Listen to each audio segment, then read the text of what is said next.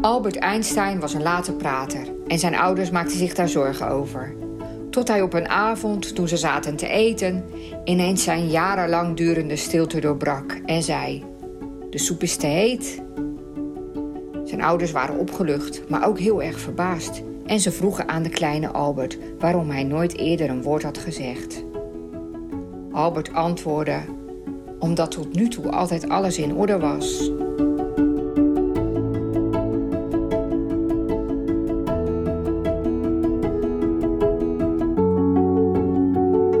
Welkom bij de allereerste aflevering van En we noemen het Storytelling. Een podcast over storytelling en strategie in de breedste zin van het woord. Mijn naam is Jeannette van Dijk en ik help ondernemers om hun verhaal te ontdekken of opnieuw te ontdekken, om hun strategie te bepalen of opnieuw te bepalen en om hun verhaal heel goed te vertellen, zodat ze kunnen groeien, zowel persoonlijk als zakelijk. Voordat ik coach werd, was ik heel lang journalist. Echt heel lang. En ik heb erg zitten twijfelen of deze eerste aflevering moet gaan over het coronavirus. Maar ik denk dat we er niet omheen kunnen. Nou, vroeger in mijn vorige leven zou ik verhalen hebben verteld over hoe het ervoor staat, welke impact het heeft, hoe we ermee om kunnen gaan. Maar ik dacht ineens, nu heb ik een heel andere rol. Nu kan ik vertellen hoe je misschien beter om kunt gaan met deze bizarre en onwerkelijke situatie.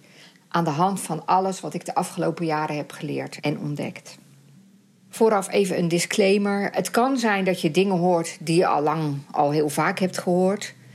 Maar ik denk dat je altijd weer iets nieuws kan horen. Misschien herken je het wel dat je uh, een vriend of een vriendin komt naar je toe en die zegt: Nou, wat ik me nu toch realiseerde, ik moet het voortaan zus of zo doen.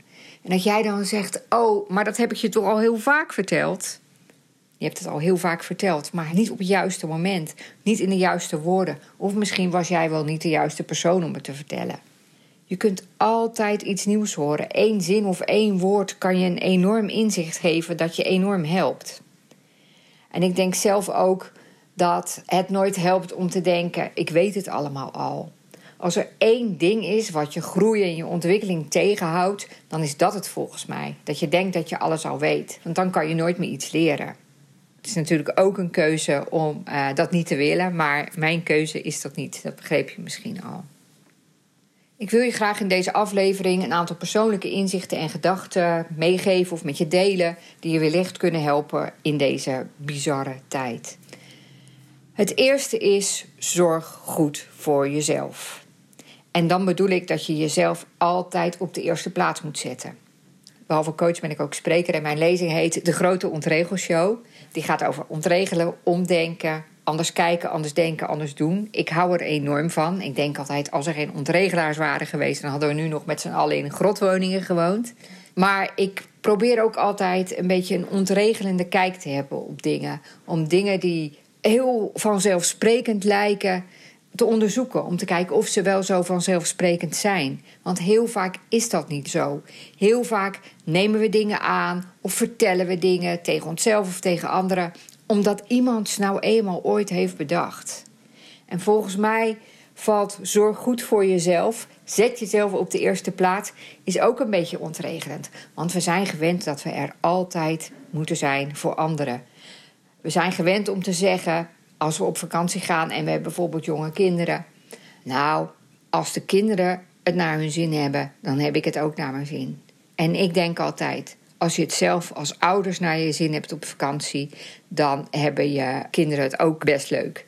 Ik heb ook altijd vakanties en dat doe ik nog steeds uitgezocht die ik zelf ook leuk vond. En volgens mij vonden mijn kinderen ze ook altijd leuk. Maar ook in deze tijden van een crisis, van onduidelijkheid, van onzekerheid, van zorg en angst, zorg heel goed voor jezelf. Je kunt alleen een goede moeder of vader zijn als je goed voor jezelf zorgt. Je kunt alleen een goede partner zijn als je ook van jezelf houdt en aan jezelf denkt. Je kunt alleen een goede onderneming hebben als je ook een goede ondernemer bent. En dat begint bij jezelf. Zelfs alle verhalen die je vertelt beginnen bij jezelf. Dus zorg goed voor jezelf. Maar hoe doe je dat nou? Nou, allereerst volgens mij door te beseffen dat iedereen anders is. Iedereen gaat op zijn eigen manier met deze situatie om. Iedereen heeft zijn eigen behoeften, zijn eigen manier om met zijn zorgen en onzekerheid om te gaan, zijn eigen manier om zijn nieuwe tijd in te delen en zijn eigen favoriete manier om op te laden. Volgens mij helpt het al enorm als je beseft dat iedereen daarin zijn eigen manier heeft. Dat geen enkele manier goed of fout is. Jouw manier mag er dus ook zijn. Nou, wij zijn bijvoorbeeld zelf vorige week, in de eerste week dat er heel veel dingen dicht waren en alles, zijn we uit eten geweest thuis. We hebben een drie gangen diner besteld bij een plaatselijk restaurant. Ik had me mooi aangekleed, hadden het gezellig gemaakt en we hebben heel erg gezellig zitten eten. Het was alleen een beetje sneller op dan normaal in een restaurant. Ik ben sinds de crisis zeg maar, is uitgebroken aan het werk met mijn nieuwe podcast. Trouwens moeilijker dan ik dacht. We hebben met de familie Zoom uitgeprobeerd.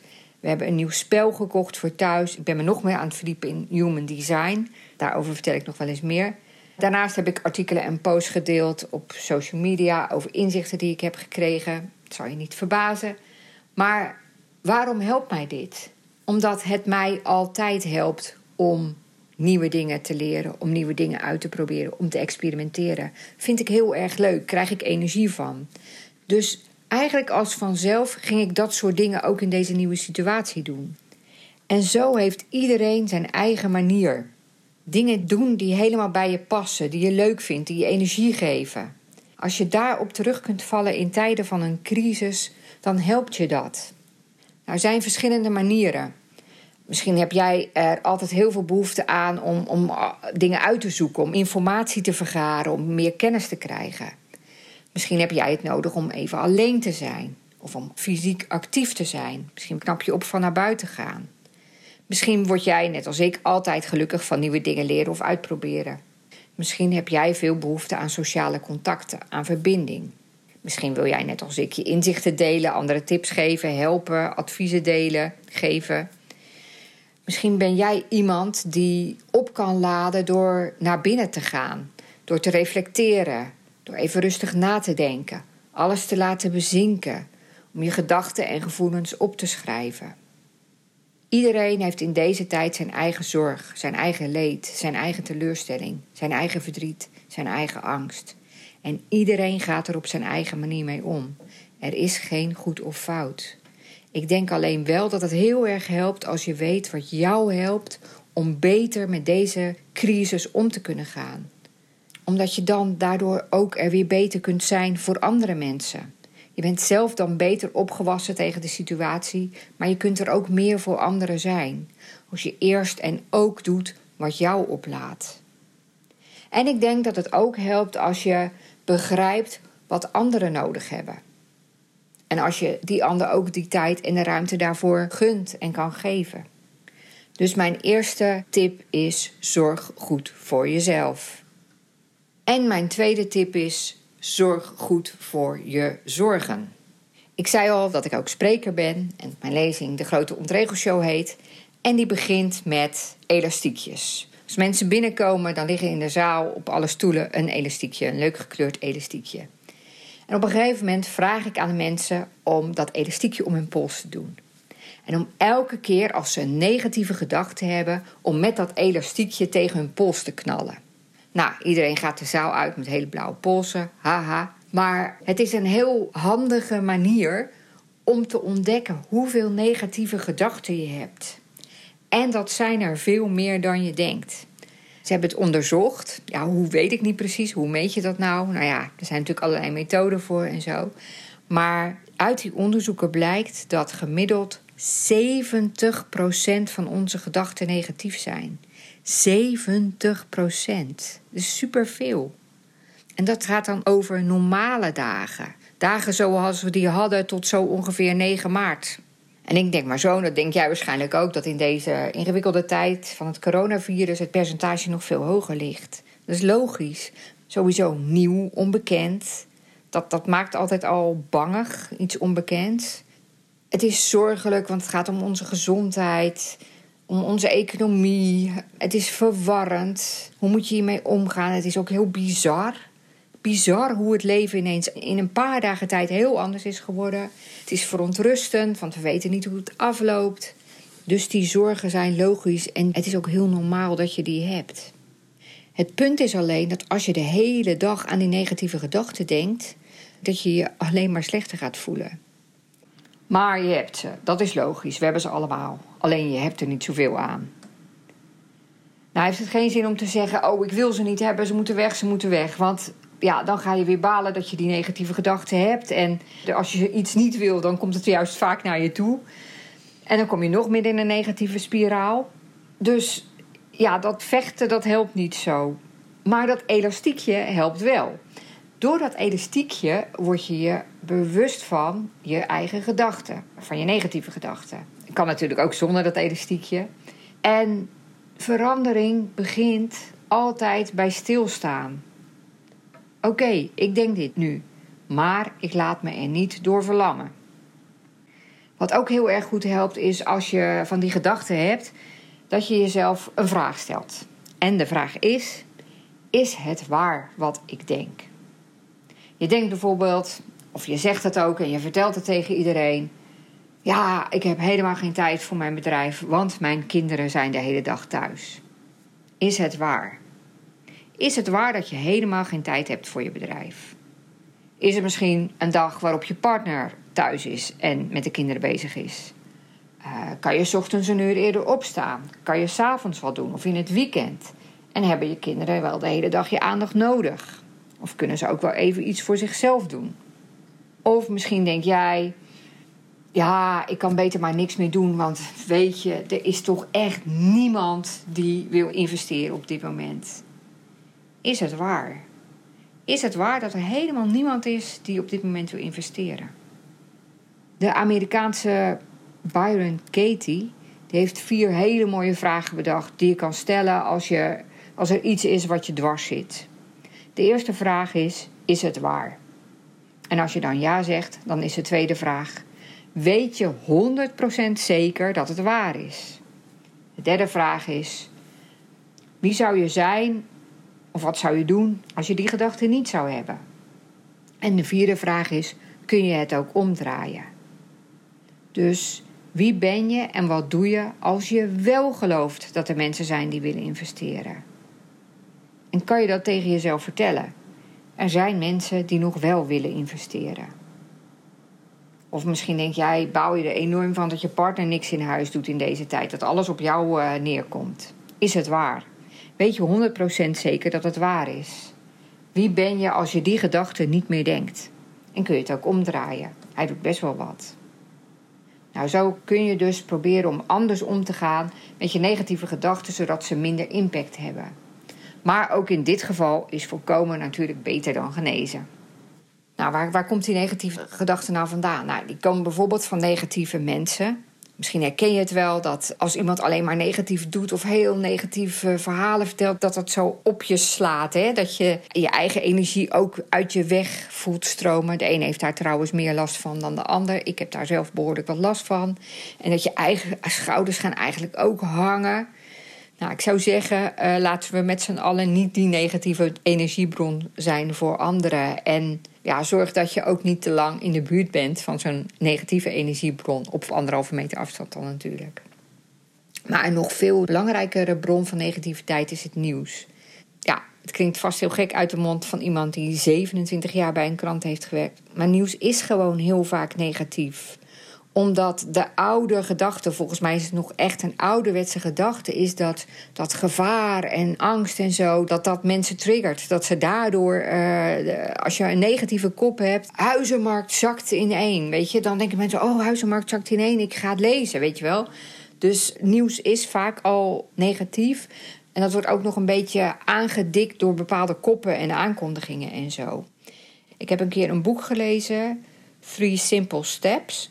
En daarin schrijft de schrijver, en um, hoe heet hij ook alweer, Trevor Blake. Door het nieuws te volgen krijg je een heel raar beeld van de wereld. Dan denk je dat er heel veel conflicten zijn en oorlog en dat er altijd overal gedoe is en zo. Terwijl als je bijvoorbeeld een halve dag of een dag in de lobby van een hotel gaat zitten of in de aankomsthal van een vliegveld bent, dan zie je hoe de echte wereld ook is. Hoe blij mensen elkaar begroeten, hoe ze leuke gesprekken hebben met elkaar, hoe ze goed samen zijn. Dat is ook de echte wereld. Nee, dat is de echte wereld. Mijn dochter is 15 en die zat pas lekker onder een dekentje op de bank met haar laptop eh, voor zich. Nou, een vrij normaal beeld in deze gekke dagen. En ze keek een Disney-film. En we hadden het erover dat je na het kijken van zo'n film een uur later heel anders voelt dan wanneer je een uur alleen maar het nieuws volgt. Ja, zei zij. En er verandert ondertussen niks. De situatie verandert helemaal niet. Voor jou niet en voor de wereld niet. Of je nou een film kijkt of dat je het nieuws volgt. Ik denk dat het heel goed is dat we onafhankelijke nieuwsbronnen hebben die het nieuws brengen. Dat staat buiten kijf. Maar ik vraag me wel eens af of het goed is dat het NOS-journaal en al andere nieuwsleveranciers ons maar de hele dag vol pompen met nieuws. Volgens mij zou het echt beter zijn voor de geestelijke gezondheid als er één keer per dag een krant kwam en drie keer per dag een journaal was. Je kunt echt heel goed op de hoogte zijn van de situatie en heel goed weten wat je moet doen en wat je niet moet doen als je je nieuwsconsumptie minimaliseert. En ik geloof echt, echt, echt dat dat een hele goede manier is om met je zorgen om te gaan. En het klinkt misschien gek en ik heb me er zelf, ik heb dit zelf dus al een paar jaar geleden bedacht. Ik ontdekte ineens dat nieuws zichzelf heel vaak herhaalt. En dat het vaak een storm in een glas water, weet je, het gaat over. En als je het niet hebt meegekregen, dan heb je niet zo heel veel gemist. En ik weet heus wel wat er speelt in de wereld. Ik ben heus wel op de hoogte van de grote lijnen. Maar ik ben echt veel minder het nieuws gaan volgen. En ik heb me daar ook wel schuldig op omgevoeld. Want ik kom natuurlijk uit een nieuwswereld. En als je daarin zit, of als je dat, misschien heb je dat gewoon ook heel erg meegekregen, dat het heel goed is om het nieuws te volgen. En als je dat niet meer doet, dan krijg je echt een beetje zo de neiging om te denken: ja, maar word ik daar dan niet dom van? Of is het niet een soort onverantwoord? Ben ik dan misschien eh, niet zo'n goed mens of zo? Heel raar. En ik denk dat het ook mee te maken heeft met een verandering in de wereld. Nu ga ik misschien iets heel gek zeggen, maar dat, dat idee heb ik wel eens dat het oude nieuwsding heel erg met mannelijke energie te maken heeft. Met mannelijke energie die gaat over strijd en over de beste zijn en over leiders. Want ik zie dat vooral veel jonge vrouwen het nieuws niet meer volgen. Omdat vrouwelijke energie gaat volgens mij veel meer over verbinden, over oplossen, over samen, over wat kan ik er zelf aan doen. Over misschien wel meer de wereld dichter om je heen. Ja, het viel me ook zo op. Wij deden gisteravond uh, een nieuw spel thuis. En we waren echt. Uh, het was een heel leuk spel. Um, Ticket to Ride heet het volgens mij. En we zijn allemaal heel erg fanatiek. Dus we waren allemaal heel erg bezig met dat spel.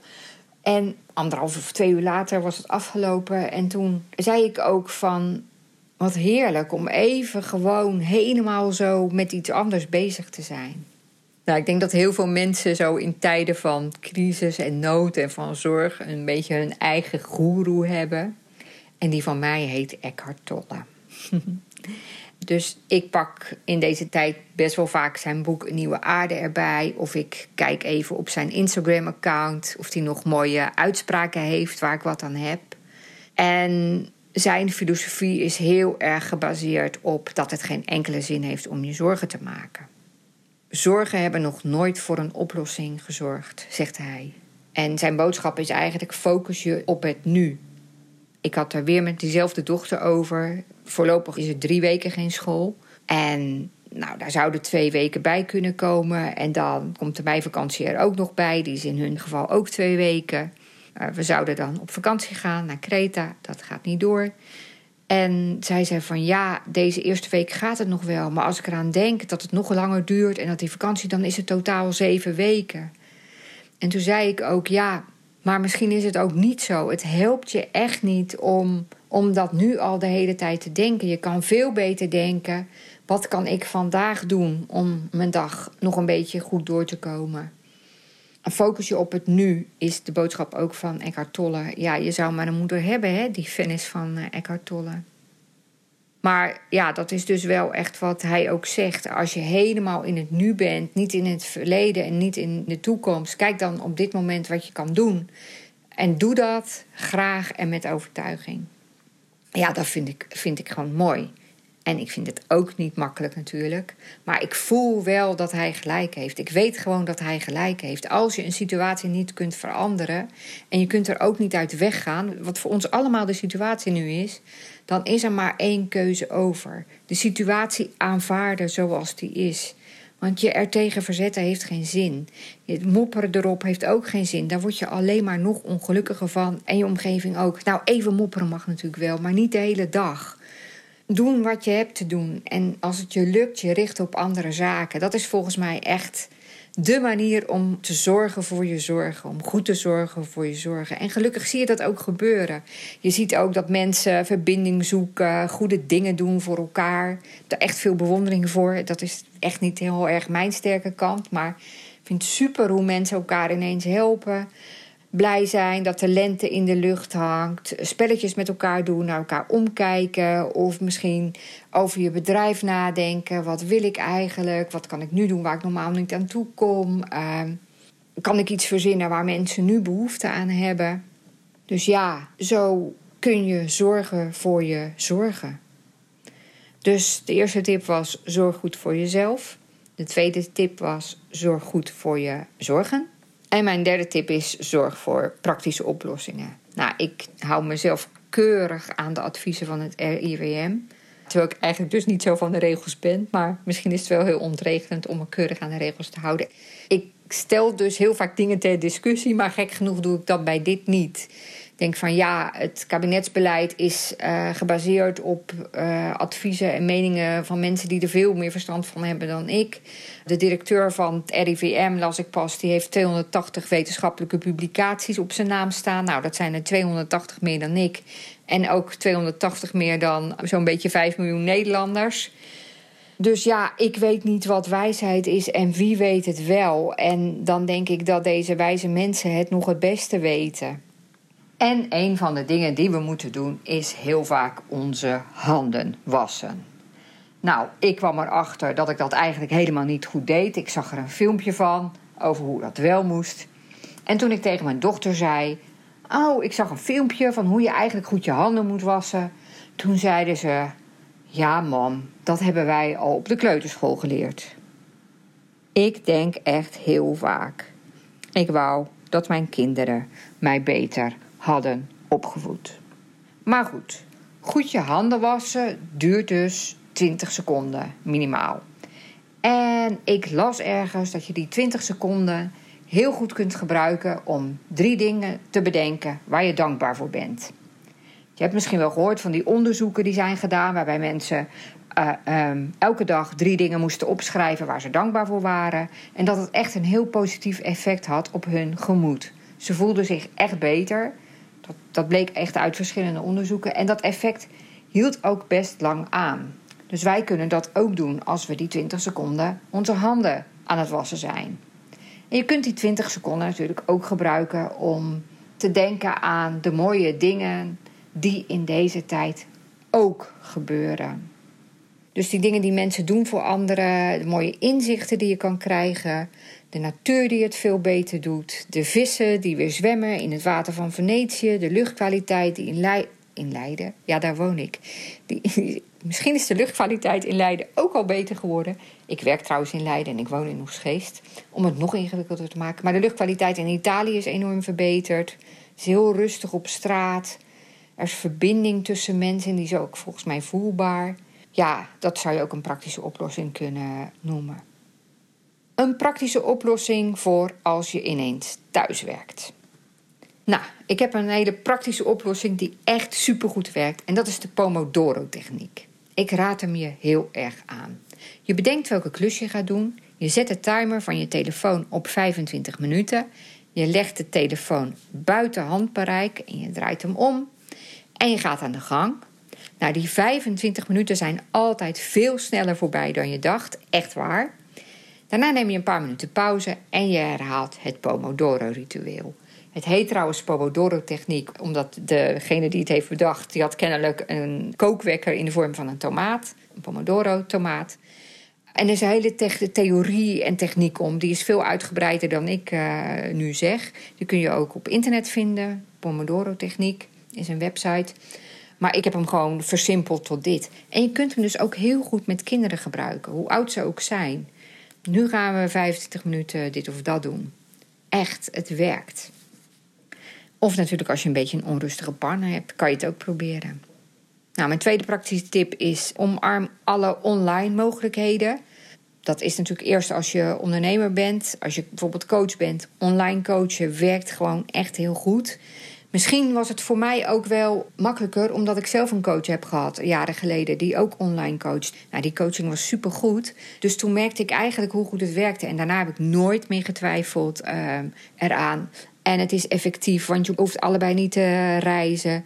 Je hoeft geen ruimte te huren. En je kunt echt heel veel dingen doen. En natuurlijk is het ook heel fijn om klanten te zien in uh, offline, zeg maar. Om echt met ze in één ruimte te zijn en om af en toe zo'n gesprek te hebben. Of een wat langere sessie uh, wel bij elkaar te zijn. Tuurlijk. Maar volgens mij hoef je echt niet bang te zijn voor online coaching. Nou, ook als je een ander bedrijf hebt, dan kun je denk ik heel goed ook online vormen vinden. En ik heb een soort ideeënlaboratorium in mijn hoofd. Dus als je wil dat ik eens met je meedenk, neem dan uh, contact met me op. Want ik heb altijd veel meer ideeën dan ik hebben kan, zeg maar. Dus ik denk heel graag met je mee.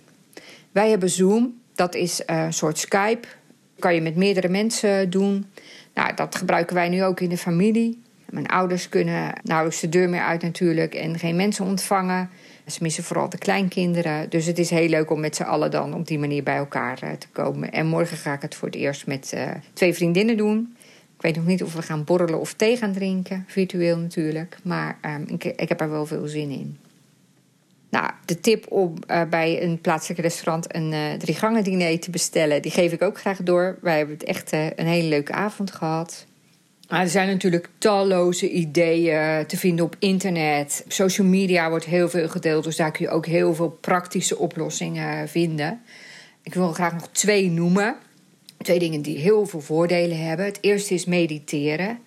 Als je dat nog niet doet, dan zou ik je echt aanraden om het een keer uit te proberen. Er zijn op internet ook weer heel veel geleide meditaties te vinden. En er is altijd, denk ik, wel een manier of een stem of een methode die jou aanspreekt. Er zijn ook apps voor.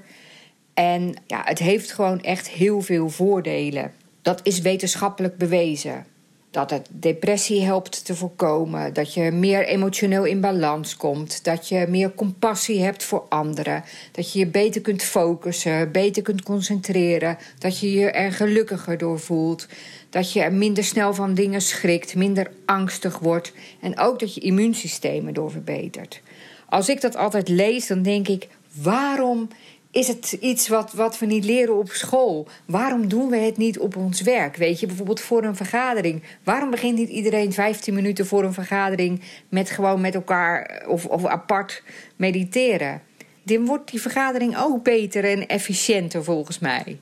Ja, goed idee, maar we doen het niet. Want we zijn het niet gewend. Maar we zijn wel gewend om eindeloos lang te vergaderen. Zonder dat volgens mij wetenschappelijk is bewezen wat dat voor nut heeft. Maar goed, ik raad het je dus echt van harte aan om als je het niet doet, om het op te pikken. En als je het wel eens doet, maar niet zo vaak, om het echt vaker te gaan doen in deze tijd. Het helpt je. Nou, een ander idee is wandelen. Wandelen verbetert je gezondheid enorm. Verlaagt het risico op suikerziekte. Is goed voor je hart- en bloedvaten, voor je botten en spieren. En ik weet natuurlijk niet hoe het is op het moment dat jij deze podcast hoort. Of we dan nog naar buiten kunnen en zo. Nu kan het nog. Nou, het helpt natuurlijk ook om je gewicht nog enigszins onder controle te houden. Je krijgt er betere conditie van en het ruimt ook je hoofd op. Dus ja, wandelen en mediteren wilde ik je nog meegeven als praktische oplossingen. Nou, jullie zijn vast wel inventief genoeg om je eigen praktische oplossingen uh, te bedenken. Dat wens ik je toe. Dat je goed kunt zorgen voor praktische oplossingen. Ik wens je toe dat je goed voor jezelf zorgt en ik wens jou en mezelf trouwens ook toe dat we goed voor onze zorgen zorgen. Elke aflevering van En we noemen het storytelling begint met een story. We begonnen deze aflevering met een verhaal over een anekdote over Albert Einstein. En ik wil eindigen met een verhaaltje uit een van de twee boeken die ik zelf heb geschreven. Ik vind je lief, het geheim van onvolmaakt gelukkige ouders. En het heet Zo moet het maar blijven. Op blote voetjes onder kromme beentjes rent ze elke ochtend blij de slaapkamer uit. De gang in, op weg naar de woonkamer. Ze vliegt bijna uit de bocht. Je denkt dat ze valt, maar ze valt niet. Zo moet het maar blijven. De dag vrolijk en enthousiast tegemoet dribbelen. Bijna de bocht uitvliegen. Jezelf staande weten te houden. Superleuk dat je hebt geluisterd naar deze aflevering van En we noemen het Storytelling. Je kunt me volgen op social media of neem eens een kijkje op mijn website janetvandijk.nl. Graag tot het volgende verhaal.